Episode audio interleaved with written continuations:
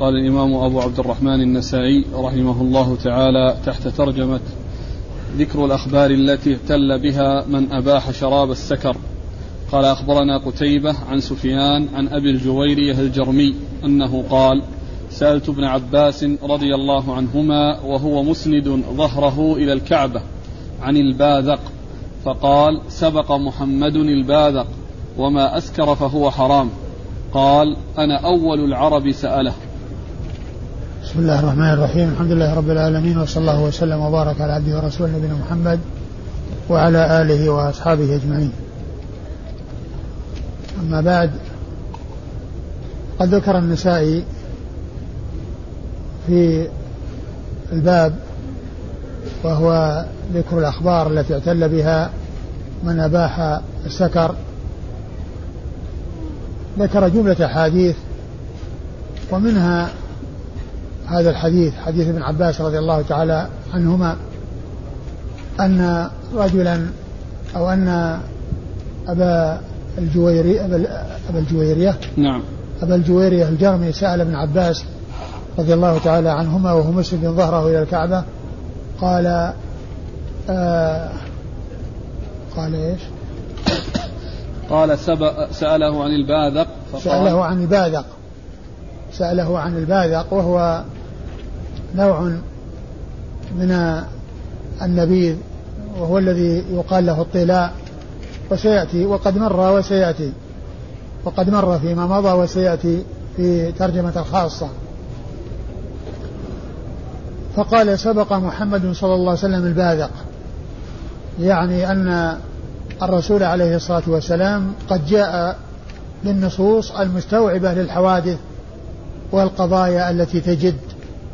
وأنه ما من أمر يجد ويكون له اسم سواء كان معروفا من قبل أو غير معروفا من قبل إلا وفي نصوص الشرع وفي قواعد الشرع ما يستوعبه وما يشمله لأن الشريعة كاملة تتسع لاستيعاب الحوادث والأمور التي تجد والنوازل التي تقع وذلك لأن الشريعة جاءت بنصوص خاصة وبنصوص عامة. فالنصوص العامة فيها العموم والشمول ودخول ما هو موجود وما لم يوجد ولكنه يطابق ويندرج تحت ذلك اللفظ العام. وكذلك أيضا من حيث قواعد الشرع وكذلك من حيث القياس وإلحاق المثيل بالمثيل والشبيه بالشبيه بالشبيه إلى غير ذلك من الأمور التي يتضح بها استيعاب الشريعة للحوادث والنوازل التي تقع. وقوله سبق محمد الباذق يعني أنه قد جاء عنه نصوص تشمل هذا الذي هذا اسمه وغير ذلك مما جد ومما سيجد. وهذه العبارة مثل الحديث الذي فيه حديث سلمان قيل له يعني أخبركم نبيكم أو علمكم شيء نبيكم أخبركم نبيكم عن كل شيء حتى القراءة؟ قال نعم. ثم ذكر أنه نهانا عن الاستنجاء برجيع أو عظم وأن يمس الإنسان ذكر بيمينه ويعني ويستنجي بيمينه وذكر أمورا تتعلق بقضاء الحاجة وأن الشريعة جاءت بذلك. وكذلك الحديث الذي يقول فيه الرسول صلى الله عليه وسلم الذي يقول فيه الصحابي توفي رسول الله عليه الصلاة والسلام وما طائر يقلب جناحيه في السماء إلا وأعطانا منه علما. وذلك بقوله صلى الله عليه وسلم كل ذي ناب من السباع ومخلب من الطير فهو حرام. أتى بهذا الكلام العام الذي يندرج تحته كل ما كان من هذا القبيل.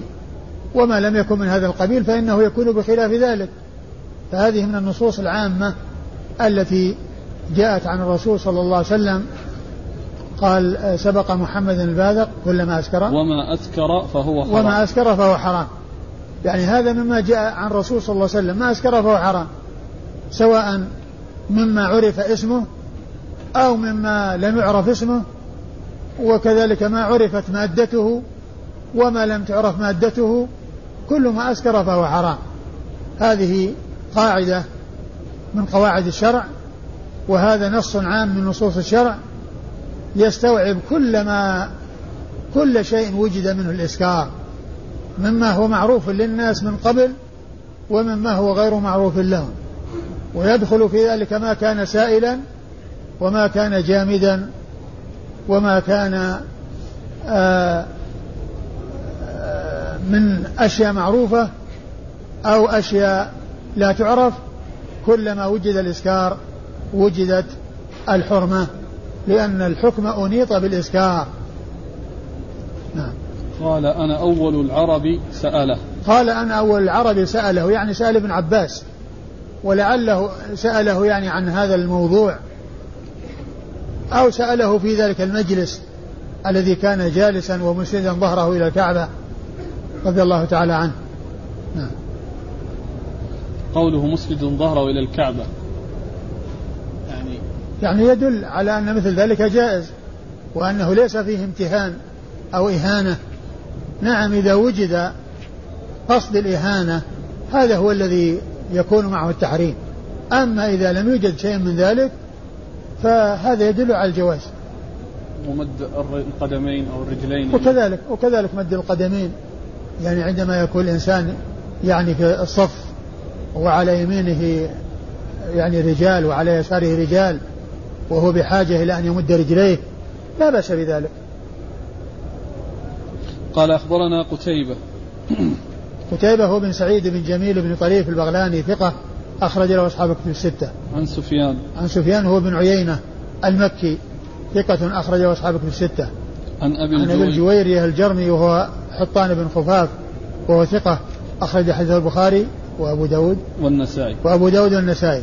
عن ابن عباس عن ابن عباس عبد الله بن عباس بن عبد المطلب ابن عم النبي صلى الله صلى الله عليه وسلم وأحد العبادله الأربعة من الصحابة وهم عبد الله بن عباس وعبد الله بن عمر وعبد الله بن الزبير وعبد الله بن عمرو وهو أحد السبعة المعروفين بكثرة الحديث عن النبي صلى الله عليه وسلم.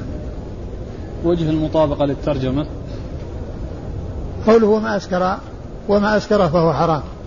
يعني معناه الذي لا يسكر فإنه يكون حلالا. يعني ومعناه أن أن الشيء الذي يسكر هو الحرام وما كان قليلا لا يسكر فإنه لا يكون حراما لكن هذا اللفظ أو هذا الاستنتاج أو هذا الفهم يقابله نص خاص وهو ما أسكر كثيره فقليله حرام. ما أسكر كثيره فقليله حرام. يعني القليل الذي لا يسكر يكون حراما. لأنه وسيلة إلى الأمر المحرم ولأن الكثرة إنما جاءت ببناء الشيء بعضه على بعض. لأن الكثير أجزاء وإذا كان المقدار الذي هو الشربة الثالثة يسكر تسكر فإن الثالثة مبنية على الأولى والثانية. مبنية على الأولى والثانية. وليس في الثالثة وحدها لأن لو كان المقصود به يعني مقدار الثالثة ما حصل الإسكار. لكن الإسكار حصل بمجموع. وعلى هذا فالتحريم يعني آه أو المعنى واضح من جهة أن فيه ذريعة ووسيلة وشرب القليل يؤدي إلى شرب الكثير المسكر والأمر الثاني أن الكثير أو أن الشربة الثالثة مبنية على ما سبقها من أولى وثانية وليس من الثالثة وحدها بل منها مضمومة إلى ما تقدمها من الأولى والثانية. قال أخبرنا إسحاق بن إبراهيم قال أخبرنا أبو عامر والنضر بن شميل ووهب بن جرير قالوا حدثنا شعبة عن سلم بن كهيل أنه قال سمعت أبا الحكم يحدث أن قال قال ابن عباس رضي الله عنهما من سره أن يحرم إن كان محرما ما حرم الله ورسوله فليحرم النبيذ ثم أورد النسائي آه، أثر ابن عباس رضي الله تعالى عنه. من سره أن يحرم إن كان محرما ما حرمه الله ورسوله فليحرم النبيذ والمقصود من ذلك النبيذ الذي يكون في الجرار التي جاء فيها النص كالدباء والحنتمي والنقير والمزفت وما إلى ذلك. هذا هو المقصود. هو الذي جاء عن ابن عباس في طرق كثيرة أنه نهى عن ذلك. وذلك لما آه، آه، يؤدي إليه من الإسكار. ولكن قد عرف أن الانتباه في تلك الأوعية لا بأس به لكن بشرط ألا يشرب الناس مسكرا نعم. قال أخبرنا إسحاق بن إبراهيم إسحاق بن إبراهيم بن راهوية ثقة وصف بأنه أمير المؤمنين في الحديث وهو, وهو محدث فقيه أخرج له أصحاب كتب الستة إلا ابن ماجه. عن أبي عامر عن أبي عامر العقدي وهو عبد الملك بن عمر وهو ثقة أخرج له أصحاب كتب الستة. والنضر بن شميل. والنضر بن شميل ثقة أخرج له أصحاب كتب الستة. ووهب بن جرير. ووهب بن جرير بن حازم وهو ثقة أخرج له أصحاب كتب الستة. عن شعبة. عن شعبة بن الحجاج الواسطي ثم البصري وهو ثقة أخرج له أصحاب كتب الستة. عن سلمة بن كهيل. عن سلمة بن كهيل وهو أيضا ثقة أخرج له أصحاب كتب الستة. عن أبي الحكم. عن أبي الحكم وهو عمران بن بن الحارث السلمي. عمران بن الحارث السلمي وهو ثقة, ثقة أخرج حديثه مسلم والنسائي. نعم. أخرج حديثه مسلم والنسائي. عن ابن عباس. عن ابن عباس وقد مر ذكره.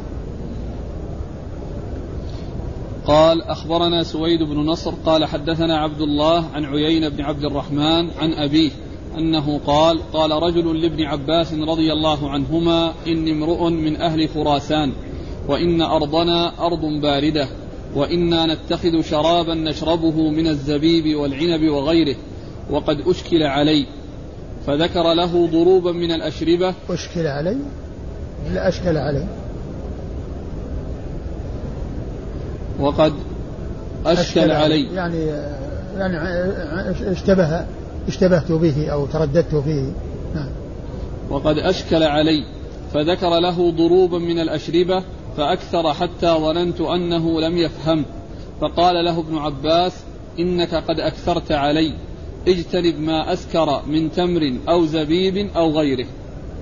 ثم ورد النسائي أثر ابن عباس رضي الله عنه لما جاءه ذلك الرجل من خراسان وسأله وذكر له جملة من الأشربة وأكثر عليه حتى ظن من سمعه أنه لم يفهمه يعني لكثرة ما يلقي عليه. ولكنه بعد ذلك أعطاه قاعدة عامة.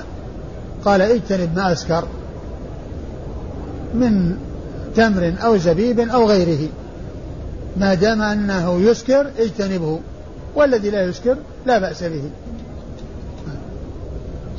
قال أخبرنا سويد بن نصر سويد بن نصر المروزي ثقة أخرج حديث الترمذي والنسائي. عن عبد الله. عن عبد الله بن المبارك المروزي ثقة أخرجه أصحاب الكتب الستة. عن عيينة بن عبد الرحمن. عن عيينة بن عبد الرحمن بن جوشن وهو صدوق أخرج حديثه البخاري في الأدب المفرد وأصحاب السنن. عن أبيه. عن أبيه وهو ثقة أخرج حديثه البخاري في الأدب المفرد وأصحاب السنن. عن ابن عباس. عن ابن عباس وقد مر ذكره.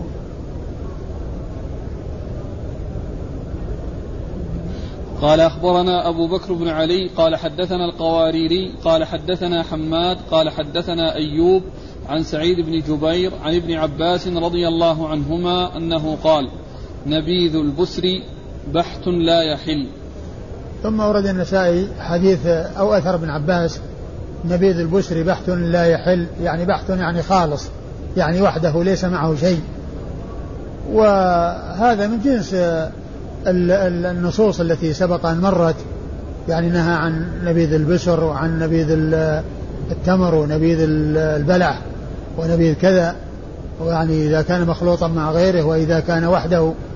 وقد عرفنا أن الحكم في ذلك هو المنع من كل ما وصل إلى حد الإسكار وإجازة كل شيء لم يصل إلى حد الإسكار قال أخبرنا أبو بكر بن علي. أخبرنا أبو بكر بن علي وهو أحمد المروزي ثقة أخرج حديثه النسائي وحده. عن القواريري. عن القواريري وهو عبيد الله بن عمر وهو ثقة أخرج حديثه أصحاب الكتب. أخرجه البخاري ومسلم وأبو داود والنسائي. أخرج حديث البخاري ومسلم وأبو داود والنسائي. عن حماد. عن حماد هو بن زيد وهو ثقة أخرجه أصحاب الكتب الستة. عن أيوب. عن أيوب بن أبي تميم السختياني ثقة أخرجه أصحاب الكتب الستة. عن سعيد بن جبير. عن سعيد بن جبير ثقة فقيه أخرج له أصحاب الكتب الستة. عن ابن عباس. عن ابن عباس وقد مر ذكره. هذا الآن الأثر ما يدل على التحريم مطلقا؟ يعني على أصحاب القول الذين يقولون بأنه الكثير فقط. وهنا ما فيه يعني التقييد بالإسكار. آه، اللفظ وش هو؟ نبيذ البسر بحت لا يحل. يعني هذا ما هو واضح الدلالة على الترجمة. لأنها يعني نبيذ البشر بحث يعني لأن هذا إذا أريد به يعني ما جاء عن عباس وعن غيره ال ال يعني الانتباذ يعني في تلك الأوعية. فلا يحل من أجل ما يخشى من أجل أن يتبادر إليه الإسكار ولكنه عرفنا بأنه نسخ ذلك وأنه المقصود منه ما كان يسكر. وأما ما لا يسكر فالذي هو في آخر الأمر جوازه. فهو يعني ما هو واضح الدلالة على يعني قضية الإباحة. بالنسبة لهم.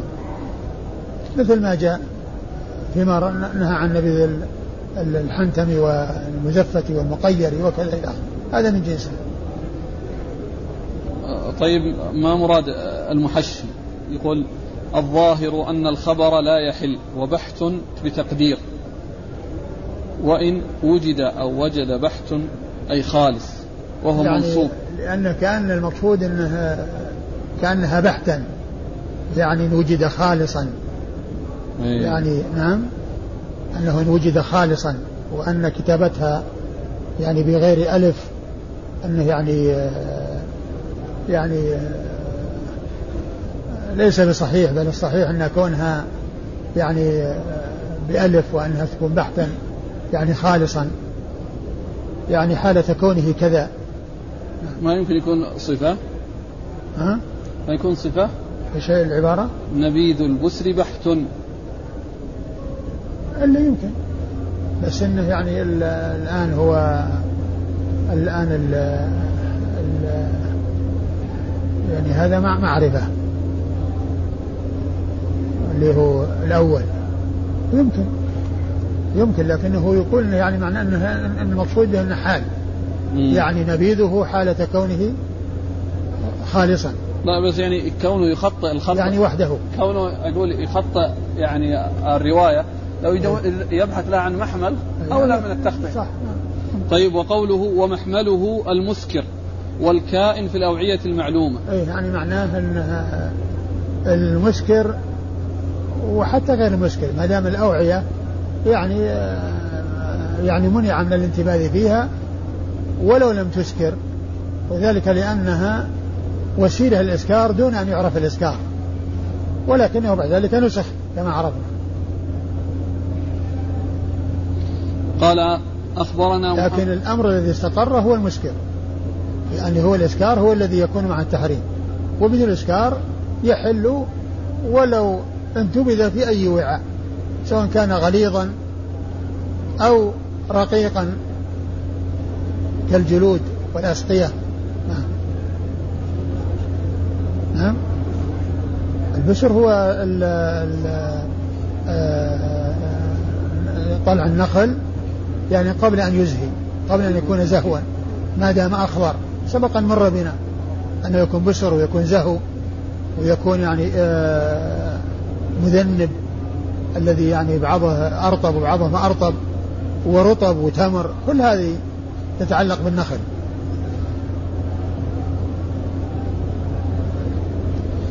قال أخبرنا محمد بن بشار قال حدثنا محمد قال حدثنا شعبة عن أبي جمرة أنه قال كنت أترجم بين, أب بين ابن عباس وبين الناس. فأتته امرأة تسأله عن نبيذ الجر فنهى عنه. قلت يا يا أبا عباس. يا أبا, أبا إني أنتب إني أنتبذ في جرة خضراء نبيذا حلوا فأشرب منه فيقرقر بطني. قال لا تشرب منه وإن كان أحلى من العسل. ثم ورد النسائي الأثر عن ابن عباس أنه جاءت امرأة تسأله عن نبيذ الجر نعم. فقال لا يحل. نعم. أيوه. فنهى عنه. فنهى عنه أيوه. قلت يا ابن يا أبا عباس أيوه. إني أنتبذ في جرة خضراء نبيذا حلوا فأشرب منه فيقرقر بطني. قال لا لا تشربه. نعم. يعني أن أنه داخل ضمن آه، رسول نهى عن الدبة والحنتم الذي هو الجرار الخضر والمزفت والمقير اللي هو المقير والنقير. يعني أنه داخل ضمن ذلك. وقد عرفنا فيما مضى أنه احتمال أن يسارع عليه الإسكار دون أن يعلم. ولكنه بعد ذلك نسخ كما جاء في حديث بريدة بن الحصيب رضي الله عنه. وهو غير واضح الدلالة على الترجمة. نعم. لا هو هو, هو عباس ويقال العباس عباس والعباس. يقال عباس ويقال العباس.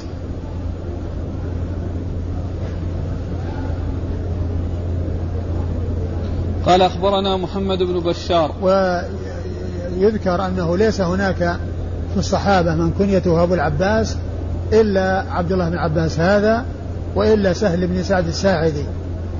فإن هذين يقال لهما أبو العباس وقال بعض أهل العلم أنه ليس في الصحابة من يكنى أبو العباس إلا هذين قال أخبرنا محمد بن بشار محمد بن بشار هو, هو, هو الملقب بندار وهو ثقة أخرج له أصحاب كتب الستة وهو شيخ لأصحاب كتب الستة. عن محمد عن محمد بن جعفر الملقب غندر ثقة أخرج له أصحاب كتب الستة. عن شعبة عن أبي جمرة. عن شعبة مر ذكره وأبو جمرة هو نصر بن عمران الضبعي وهو ثقة أخرج له أصحاب كتب الستة. عن ابن عباس. عن ابن عباس وقد مر ذكره. قوله فيقرقر بطني يعني معناه يطلع له صوت يعني صوت في البطن يعني الصوت الذي يعني في, في الأمعاء يعني هذه هي القرقرة وهو خروج أو سماع صوت لجريان الشيء في الأمعاء نعم. لكن يعني ما يفهم منه كأنه يريد يذكر له العلة أو أو شيء من مما يحدثه هذا الشراب. يمكن. يقول إني أنتبذ في جرة خضراء نبيذا حلوا فأشرب منه فيقرقر بطني. اي نعم. لأن قرقرة البطن يعني تحصل حتى لو ما وجد الشيء الذي فيه إسكار يعني الإنسان قرقر بطنه وهو ما ما شرب هذا الشيء. قال أخبرنا أبو داود قال حدثنا أبو عتاب وهو سهل بن حماد. قال حدثنا قرة قال حدثنا أبو جمرة نصر. قال قلت لابن عباس رضي الله عنهما إن جدة لي تنبذ نبيذا في جر أشربه حلوا إن أكثرت منه فجالست القوم خشيت أن أفتضح. فقال قدم وفد عبد القيس على رسول الله صلى الله عليه وآله وسلم. فقال مرحبا بالوفد ليس بالخزايا ولا النادمين.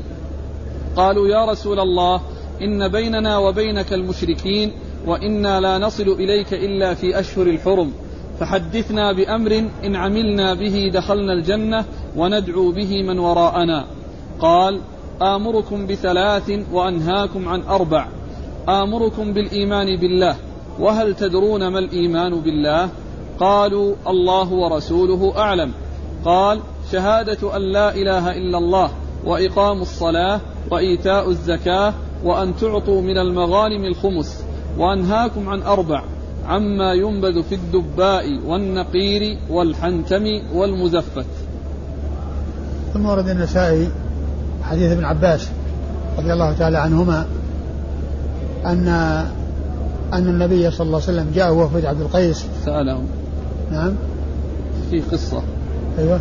سأله نعم أبو جمر كان يقول كانت جدتي كانت جدة لي تنبذ نبيذا في جرة ف أشربه حلوا فأشربه حلوا إن أكثرت منه فجالست القوم خشيت أن أفتضح. إن أكثرت منه فجلست القوم خشيت أن أفتضح يعني أنه يعني يظهر فيه مبادئ إسكار فخشيت أن أفتضح يعني يظهر يعني عليه يعني شيء يعني يدل على على الإسكار أو مبادئ الإسكار ف الرسول صلى الله عليه وسلم أخبره بأن الرسول صلى الله عليه وسلم جاء عبد القيس. وهذا فيه يعني أنه عند ذكر السؤال أو الاستفتاء يؤتى بالحديث أو يؤتى بالدليل. وهذا مما كان عليه الصحابة رضي الله عنهم وأرضاهم. كان إذا سئلوا أجابوا بالأثر. إذا سئلوا أجابوا بالأثر. يعني فيقول قال رسول الله صلى كذا وكذا. والجواب موجود ضمن قول الرسول صلى الله عليه وسلم. فيكون بذلك أعطاه الحكم والدليل. بهذه الطريقة اختصر الطريق. بدل ما يقول إيش الدليل أعطاه الدليل. أعطاه الحكم وهو وهو الدليل المشتمل على الحكم. فجاء وفد عبد القيس وهم عبد القيس من ربيعة وكانوا في البحرين. يعني في وكانوا وكان هذا في أول الهجرة أول ما هاجر الرسول صلى الله عليه وسلم إلى المدينة. فقالوا يا رسول الله إن إن بيننا وبينك المشركين ولا نستطيع أن نصل إلا في الأشهر الحرم. يعني لا نصل إليك إلا في شهر حرام وذلك أن الكفار يعظمون الأشهر الحرم. ولا يعني آه، يحصل منهم الأشياء التي تحصل في غير الأشهر الحرم لأن عندهم لها احترام. فكان يعني ينتهزون هذه الفرصة وهي وجود الأشهر الحرم حتى لا يؤذيهم أحد من المشركين. وسألوا الرسول صلى الله عليه وسلم أن يأمرهم بأمر إذا عملوا به دخلوا الجنة ويدعون من وراءهم. وهذا يبين لنا ما كان عليه أصحاب الرسول عليه الصلاة والسلام من الحرص على معرفة الحق والحرص على العمل به والحرص على الدعوة إليه. لأن هذا مشتمل على الأمور الثلاثة. لأن معرفة الحق كونهم طلبوا من النبي صلى الله عليه وسلم أن يأمرهم بأمر. وهذا الأمر الذي يأمرهم به إذا عملوا دخلوا الجنة. هذا فيه العلم أولا ثم العمل ثانيا ثم قال وندعو إليه من وراءنا. يعني نبلغه الناس الذين جئنا منهم حتى يستفيدوا كما استفدنا. فهذه الأمور الثلاثة اشتمل عليها الحديث وهي العلم والعمل بالعلم والدعوة إلى العلم أو إلى الحق والهدى حيث قال نعمل به وندعو به من وراءنا.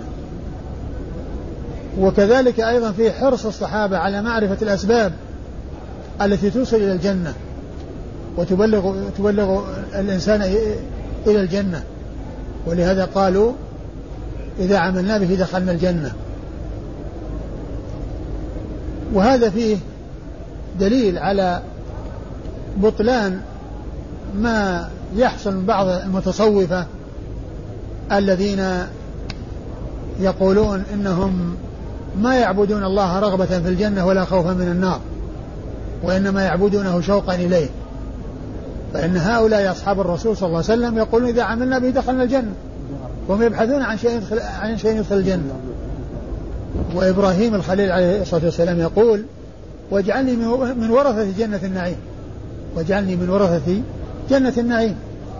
فإذا هذا ال ال ال الكلام وهذه المناهج الجديدة والطرق الجديدة المحدثة التي ليست هي طرق أو طريق خير هذه الأمة الذين هم الصحابة رضي الله عنهم وأرضاهم. ولن يصل آخر هذه الأمة إلا بما صلح به أولها. كما قال ذلك مالك, آه مالك بن أنس إمام دار الهجرة رحمة الله عليه. لن يصلح آخر الأمة إلا بما صلح به أولها. فإذا الصحابة رضي الله عنهم وأرضاهم كانوا يسألون عن الأعمال التي توصل الجنة ويبحثون عن الجنة ويعبدون الله رغبة في الجنة. ومن المعلوم أنهم يحبونه ويعظمونه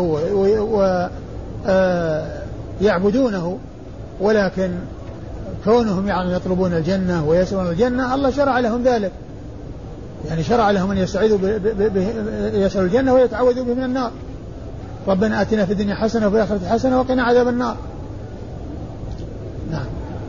و قال آمركم بثلاث وأنهاكم عن أربع آمركم بثلاث وأنهاكم عن أربع آمركم بالإيمان بالله وحده.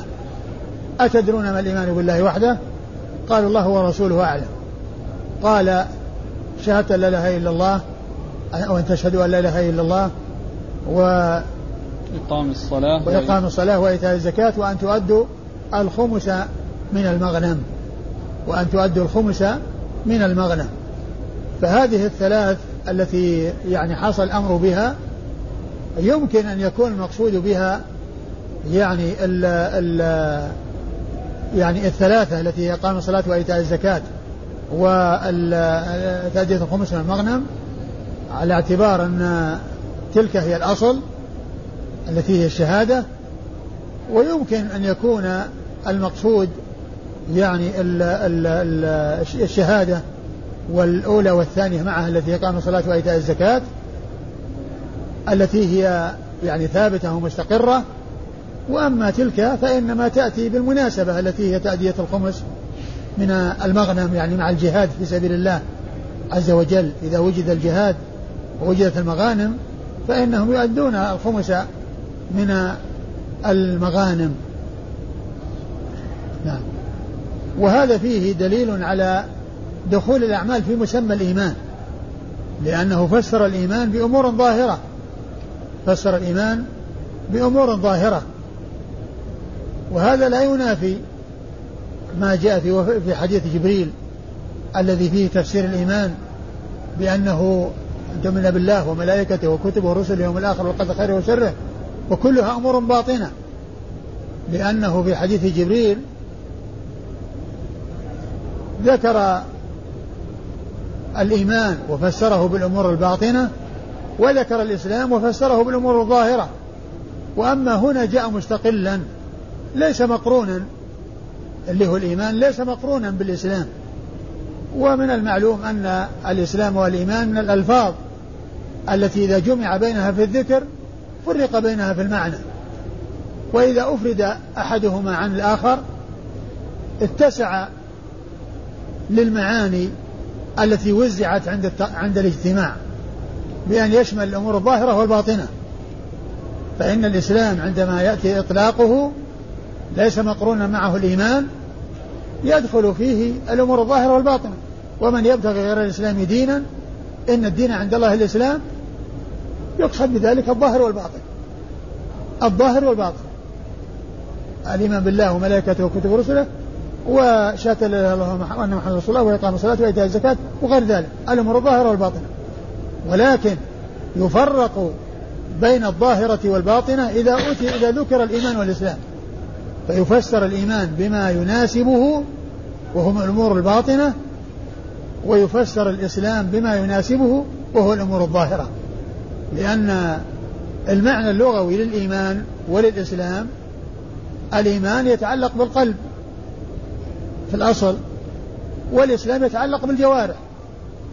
لكن عندما ينفرد أحدهما عن الآخر يتسع لاستيعاب الأمور الظاهرة والأمور الباطنة. ثم قال وأنهاكم عن أربع عن الانتباه في الدباء والنقير والحنتم والمزفت.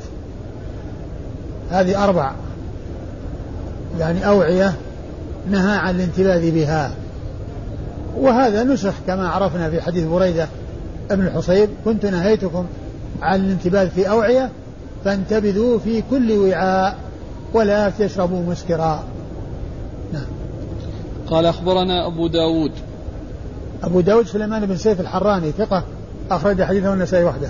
عن أبي عتاب وهو سهل بن حماد. أبي عتاب عن أبي عتاب وهو سهل بن حماد وهو ثقة صدوق. وهو صدوق أخرج حديثه مسلم وأصحاب السنن أخرج حديثه مسلم وأصحاب السنن عن قرة عن قرة بن خالد وهو ثقة أخرجه أصحاب كتب الستة. عن أبي جمرة عن ابن عباس. عن أبي جمرة عن ابن عباس وقد مر ذكرهما. قال أخبرنا سويد قال أخبرنا عبد الله عن سليمان التيمي عن قيس بن وممن روى عن ابن عباس أبو حمزة وهو القصاب وأبو جمرة وأبو حمزة بينهم آه، اشتباه يعني آه، في الرسم والشكل وإنما الفرق يعني بالنقد يعني هذا جمرة وذي حمزة. أبو جمرة وأبو حمزة. فكل منهما يروي عن ابن عباس. وأبو جمرة هو الذي يروي عنه حديث ابن قيس وأبو حمزة القصاب هو الذي يروي عنه لا أشبع حديث لا أشبع الله بطنه في قصة معاوية الذي رواه مسلم في صحيحه. أبو حمزة القصاب. فإن مثل هذه الألفاظ من المؤتلف والمختلف وهي الاتفاق في الرسم والشكل واختلاف في النقد أو النطق يعني بحيث يكون مثل عقيل وعقيل. يعني هذه بالشكل. وجمرة حمزة بالنقد. نعم. قال أخبرنا سويد قال أخبرنا عبد الله عن سليمان التيمي عن قيس بن وهبان أنه قال سألت ابن عباس رضي الله عنهما قلت إن لي جريرة أنتبذ فيها حتى إذا غل حتى إذا غلا وسكن شربته. قال مذ كم هذا شرابك؟ قلت مذ عشرون سنة. هذه غلية لعله غلية مش غلا. غلية. غلي يغلي وإذا غلا يغلو. إذا كانت بالألف غلا. يصير غلا يغلو من الغلو وأوية. وما إذا كانت يائية فهي من الغليان. غلا يغلي. وهو غلي هي بالياء لأن إذا كانت إذا كانت يعني أصلها واو تكون بالألف. يعني مثل غلا غلا يعني لام ألف. وأما إذا كانت ياء ياء يصير لام ياء يعني غليا غليا وهذا يعني كثير مثل سما مثل سما يسمو ونبى ينبو. وعلى يعلو بخلاف يعني رقي يرقى ويعني غلي يغلي يعني غلي يغلي. نعم. قلت حتى إذا غلي. حتى إذا غلي وسكن شربته قال مذ كم هذا شرابك؟ قلت مذ عشرون سنة. أو قال مذ أربعون سنة. قال طالما تروت عروقك من الخبث. ما تروت؟ طالما تروت. طالما نعم. طالما تروت. نعم. نعم. يعني هالمدة الطويلة وعروقك تتروى من الخبث؟ الذي هو هذا الذي آه الذي إذا غلا هذه علامة الإسكار إذا غلا واشتد وقذف بالزبد قالوا هذه علامة الإسكار نعم نعم آه نعم قال قيس بن وهبان قلت سألت ابن عباس رضي الله عنهما قلت إن لي جريرة أنتبذ فيها. إن لي جريرة تصغير جرة. أيوة. أنتبذ فيها حتى إذا غلي وسكن شربته.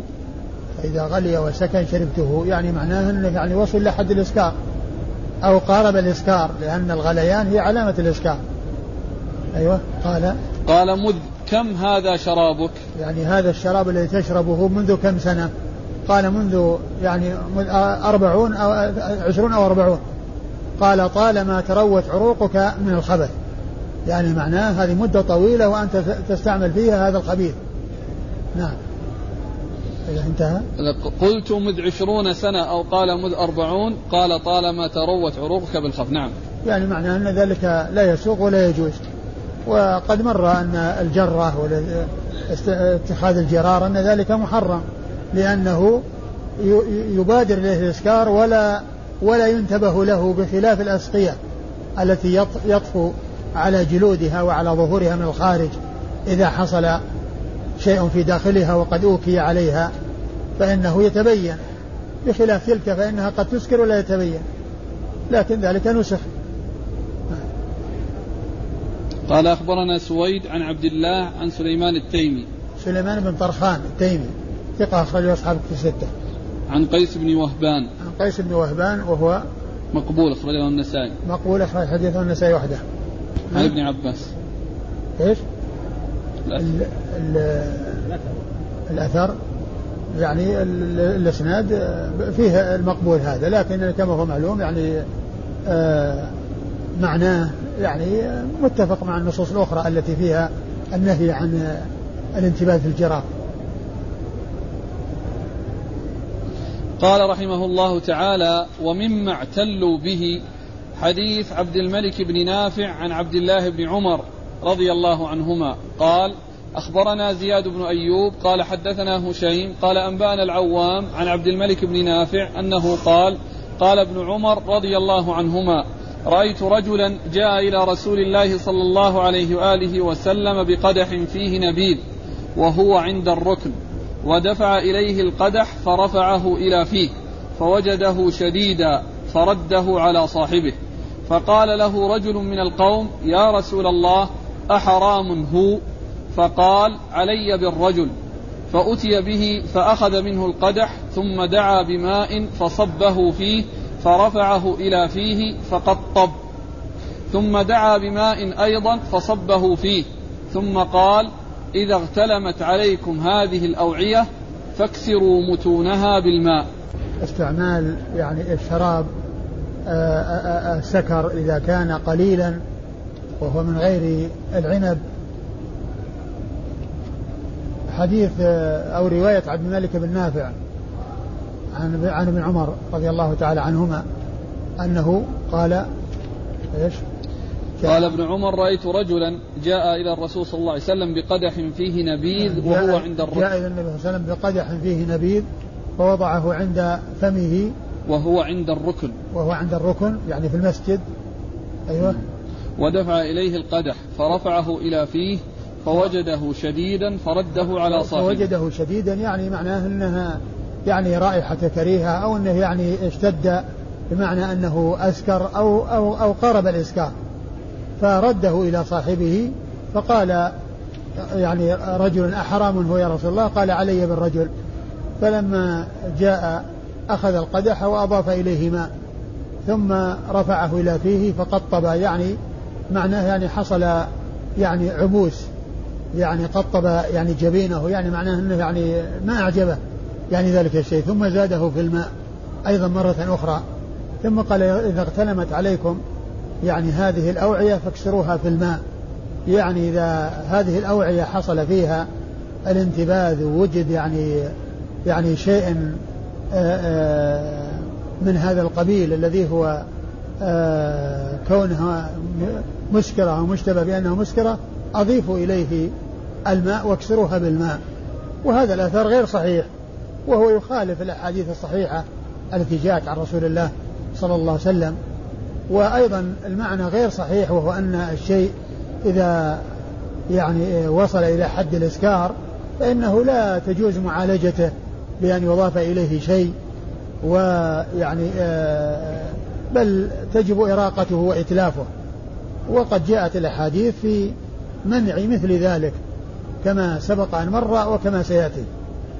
نعم قال أخبرنا زياد بن أيوب زياد بن أيوب ثقة أخرج حديثه البخاري وأبو داود والترمذي والنسائي عن هشيم عن هشيم بن بشير الواسطي وهو ثقة أخرجه أصحاب كتب الستة. عن العمو عن العوام. عن العوام بن حوشب وهو ثقة أخرجه أصحاب كتب الستة. عن عبد الملك بن نافع. عن عبد الملك بن نافع وهو مجهول أخرج حديثه النسائي وحده. عن ابن عمر.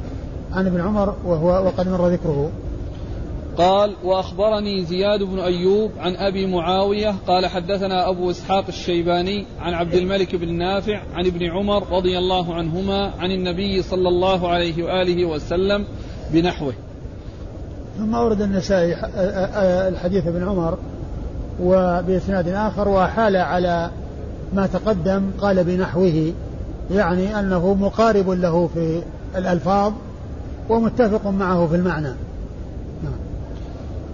قال وأخبرني زياد بن أيوب عن أبي معاوية أبو معاوية هو محمد بن خازم الضرير الكوفي ثقة أخرج له أصحاب كتب الستة. عن أبي إسحاق الشيباني. عن أبي إسحاق الشيباني وهو سليمان بن أبي سليمان ثقة أخرجه أصحاب الكتب الستة. عن عبد الملك بن نافع عن ابن عمر. عن عبد الملك عن عبد الملك بن نافع عن ابن عمر وقد مر ذكرهما. قال أبو عبد الرحمن عبد الملك بن نافع ليس بالمشهور ولا يحتج بحديثه والمشهور عن ابن عمر رضي الله عنهما خلاف حكايته. بعد ما ذكر النسائي الحديثين أو الطريقين عن عبد الملك بن نافع قال عبد الملك بن نافع ليس مشهور ولا يحتج بحديثه. وجاءت الطرق عن ابن عباس بن عمر. عن عن ابن عمر تخالف حكايته يعني تخالف ما جاء عنه يعني على وجه على خلاف ما ذكره. يعني هذا الذي فيه كون يصب عليه ماء وانه يعالج وأن كذا جاء أن ما أسكر كثيرا فقليله حرام نعم. قال أخبرنا سويد بن نصر قال أخبرنا عبد الله عن أبي عوانة عن زيد بن جبير عن يعني ذكر بعد ذلك الأحاديث التي فيها آه الإشارة إلى ما يدل على خلافه نعم. قال أخبرنا سويد بن نصر قال أخبرنا عبد الله عن أبي عوانة عن, أبي عن زيد بن جبير عن ابن عمر رضي الله عنهما أن أن رجلا سأل عن الأشربة فقال اجتنب كل شيء ينش. ثم أورد النسائي حديث أثر ابن عمر أنه سأله رجل عن الأشربة فقال اجتنب كل شيء ينش. اجتنب كل شيء ينش. يعني كل شيء ينش يعني يسكر. قال أخبرنا سويد بن نصر عن عبد الله عن أبي عوانة أبي عوانة الوضاح بن عبد الله اليشكري ثقة أخرج له أصحاب الكتب الستة. عن زيد بن جبير. زيد بن جبير بن حرمل وهو ثقة أخرج له أصحاب الكتب الستة. عن ابن عمر. عن ابن عمر وقد مر ذكره. قال أخبرنا قتيبة قال أخبرنا أبو عوانة عن زيد بن جبير أنه قال سألت ابن عمر رضي الله عنهما عن الأشربة فقال اجتنب كل شيء ينش. وهذا مثل الذي قبله. قال أخبرنا قتيبة عن أبي عوانة عن زيد بن جبير عن ابن عمر. وقد مر ذكرهم. قال أخبرنا سويد قال أخبرنا عبد الله عن سليمان التيمي عن محمد بن سيرين عن ابن عمر رضي الله عنهما أنه قال المسكر قليله وكثيره حرام. ثم ورد النسائي آه، الأثر عن ابن عمر المسكر قليله وكثيره حرام. وهذا يعني يعني يخالف ما جاء عن عبد الملك بن نافع. نعم. قال أخبرنا سويد عن عبد الله عن سليمان التيمي عن محمد بن سيرين. محمد بن سيرين البصري ثقة. أخرج له أصحاب الكتب الستة. عن ابن عمر. نعم. قال قال الحارث بن مسكين قراءة عليه وأنا أسمع عن ابن القاسم. قال أخبرني مالك عن نافع عن ابن عمر رضي الله عنهما أنه قال كل مسكر خمر وكل مسكر حرام. ثم ورد النسائي آه، حديث ولا أثر؟ أثر. أثر عن ابن عمر. كل مسكر خمر وكل خمر حرام. وهذا يخالف يعني هذا هذه آثارنا عن عمر تخالف ما جاء عن عن عبد الملك بن نافع المتقدم. أيوه. قال قال الحارث بن مسكين قراءة عليه وأنا أسمع. الحارث بن مسكين ثقة أخرج حديثه أبو داود والنسائي. عن ابن القاسم. ابن القاسم عبد الرحمن بن القاسم ثقة أخرج حديثه البخاري وأبو داود المراسيل والنسائي. عن نافع عن مالك. عن مالك بن أنس إمام دار الهجرة. المحدث الفقيه الإمام المشهور. نعم. عن نافع. نافع هو مولى بن عمر وهو ثقة أخرج له أصحاب الكتب الستة. قال أخبرنا محمد بن عبد الأعلى قال حدثنا المعتمر قال سمعت شبيبا وهو ابن عبد, عبد وهو ابن عبد الملك. يقول حدثني مقاتل بن حيان عن سالم بن عبد الله عن أبيه رضي الله عنه عن رسول الله صلى الله عليه وآله وسلم أنه قال حرم الله الخمر وكل مسكر حرام. ثم ورد النسائي حديث, حديث عبد ابن عمر. حديث ابن عمر أيضا. قال حرم رسول الله صلى الله عليه وسلم الخمر وكل وكل مسكر حرام. نعم. قال أخبرنا محمد بن عبد الأعلى. محمد بن عبد الأعلى الصنعاني ثقة أخرج حديثه مسلم وأبو داود في القدر والترمذي والنسائي وابن ماجه. عن المعتمر. عن المعتمر بن سليمان بن طرخان التيمي ثقة. أخرج أصحاب الكتب الستة. عن شبيب هو ابن عبد الملك. عن شبيب بن عبد الملك وهو صدوق أخرج حديث البخاري في الأدب المفرد. أخرج ها؟ أخرج أبو داود والنسائي. أخرج حديث أبو داود والنسائي. عن مقاتل بن حيان. عن مقاتل بن حيان وهو صدوق. أخرج حديث البخاري في الأدب المفرد. مسلم وأصحاب السنة. مسلم. أي. والبخاري في الأدب المفرد ولا ما فيه؟ فيه ولا ما فيه؟ ما مسلم أخرجه مسلم وأصحاب السنة. عن سالم بن عبد الله. سالم بن عبد الله بن عمر ثقة فقيه أحد فقهاء المدينة السبعة في عصر التابعين على أحد الأقوال الثلاثة في السابع منهم. وحديث أخرجه أصحاب الكتب الستة عن أبيه وقد مر ذكره. قال أخبرنا الحسين بن منصور يعني ابن جعفر النيسابوري. قال حدثنا يزيد بن هارون. قال أخبرنا محمد بن عمرو بن محمد قال أخبرنا محمد بن عمرو عن أبي سلمة عن ابن عمر رضي الله عنهما أنه قال قال رسول الله صلى الله عليه وآله وسلم كل مسكر حرام وكل مسكر خمر. ثم ورد النسائي حديث ابن عمر من طريق أخرى وهو مثل ما تقدم. قال أخبرنا الحسين بن منصور. حسين بن منصور يعني ابن جعفر ابن سابوري وهو ثقة أخرج حديثه البخاري والنسائي. عن يزيد و... و... وقوله يعني يعني القائل هذا هو من دون النسائي. وهذا يبين لنا أن يعني هذه الإضافة أو التي آه، تكون في أثناء الإسناد للتوضيح أنها قد تكون ممن دون النسائي لأن النسائي لا يقول عن شيخه يعني وإنما الذي قالها من دونه. من دونه هو الذي يقول يعني يعني أن النسائي يعني بفلان هو آه ابن جعفر النسابوري نعم. عن عن يزيد بن هارون. عن يزيد بن هارون الواسطي مر ذكره؟ عن محمد بن عمرو. عن محمد بن عمرو بن علقمة بن وقاص وهو صدوق أخرج له أصحاب الكتب الستة عن أبي سلمة. عن أبي سلمة بن عبد الرحمن بن عوف المدني ثقة فقيه أحد فقهاء المدينة السبعة في عصر التابعين وحديث أخرج أصحاب الكتب الستة عن ابن عمر. عن ابن عمر وقد مر ذكره. قال أبو عبد الرحمن وهؤلاء أهل الثبت والعدالة مشهورون بصحة النقل وعبد الملك لا يقوم مقام واحد منهم ولو عاضده من أشكاله جماعة وبالله التوفيق. يعني لما ذكر ما يتعلق برواية عبد الملك بن نافع وذكر ما يخالفها من رواية الثقات الذين يعني هم أهل الثبت والعدالة أتى بهذا التعقيب يبين بأن هؤلاء هم الذين يعول على ما جاء عنهم بخلاف ذاك فإنه لا يحتج بحديثه ولو عاضده من أشكاله جماعة. قال أخبرني سويد قال أخبرنا عبد الله عن عبيد الله بن عمر السعيدي قال حدثتني رقية بنت عمرو بن سعيد أنها قالت كنت في حجر بن عمر رضي الله عنهما فكان ينقع له الزبيب فيشربه من الغد ثم يجفف الزبيب ويلقى عليه زبيب آخر ويجعل فيه ماء فيشربه من الغد حتى إذا كان بعد الغد طرحه. عن رقية بنت عمرو بن سعيد. أيوة. قالت كنت في حجر بن عمر. فكان ينقع له الزبيب فيشربه من الغد. ثم يجفف الزبيب ويلقى عليه زبيب آخر ويجعل فيه ماء فيشربه من الغد حتى إذا كان بعد الغد فرحه. ثم ورد النسائي هذا الأثر عن ابن عمر أنه كان ينقع له كانت في حجر بن عمر رقية بنت بنت بنت عمرو بن سعيد. بنت عمرو بن سعيد وأنه كان ينقع له الزبيب الزبيب. نعم. أيوه. فيشربه من الغد. فيشربه من الغد يعني في ليلة واحدة. أيوه. ثم يجفف الزبيب ثم. يجفف الزبيب يعني هذا الذي كان منقع. ثم ويصب فيصب عليه ماء ويلقى عليه زبيب آخر. ويلقى عليه زبيب آخر يعني مع الأول. ويجعل فيه ماء فيشربه من الغد. ويجعل فيه ماء ويشربه من الغد. ومن المعلوم أن مثل هذا لا يسكر لأن الوقت قصير. نعم. حتى إذا كان بعد الغد طرحه. حتى إذا كان بعد الغد طرحه يعني ما يعني آه، تركه يعني تطول مدته. نعم. هذا لهم ولا عليهم؟ نعم.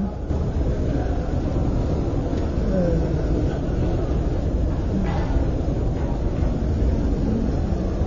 طبعا هو من حيث عدم الإسكار يعني هو للجميع. أقول هو للجميع يعني من حيث عدم الإسكار يعني حتى القائلين يعني أو المخالفين لهم يعني يقولون بأن الشيء الذي لا يسكر كثيره وقليله حلال آه، حلال الكثير والقليل وإنما الحرام هو ما أسكر كثيره فإن قليله حرام وهذا هو محل الخلاف خلاف آه، بعض الكوفيين مع الجمهور بس كأنه هذا يعني ما ما هو ما هو يعني ضده ليه؟ لأنه يقول حتى إذا كان بعد الغد طرح دون أن ينظر فيه أسكر ولا ما أسكر؟ وعنده ليلتين الليلة الثالثة ما يشرب. دون النظر إلى السكر ولا عدم السكر. وعلى كل هو الذي يشربه أو الذي شربه آه، لا يشرب شيئا يسكر. لا قليل ولا كثير اللي هو ابن عمر آه قصدي يعني قضية ذكره في هذا الباب. في الاستدلال أنا تفرق يعني بعض الأحيان يأتي نصوص ما تطابق الترجمة. جزاك الله. قال أخبرني سويد عن عبد الله عن عبيد الله بن عمر السعيدي. عبيد الله بن عمر السعيدي مقبول أخرج حديثه النسائي وحده. عن رقية بنت عمرو بن سعيد. وهي مقبولة. نعم. أخرج حديثه أبو داود. النسائي وحده. آه النسائي وحده. أخرج حديثه النسائي وحده. عن ابن عمر. عن ابن عمر. قال واحتجوا بحديث أبي مسعود عقبة بن عمرو رضي الله عنه. والله تعالى أعلم وصلى الله وسلم وبارك على عبده ورسوله نبينا محمد. وعلى آله وأصحابه أجمعين.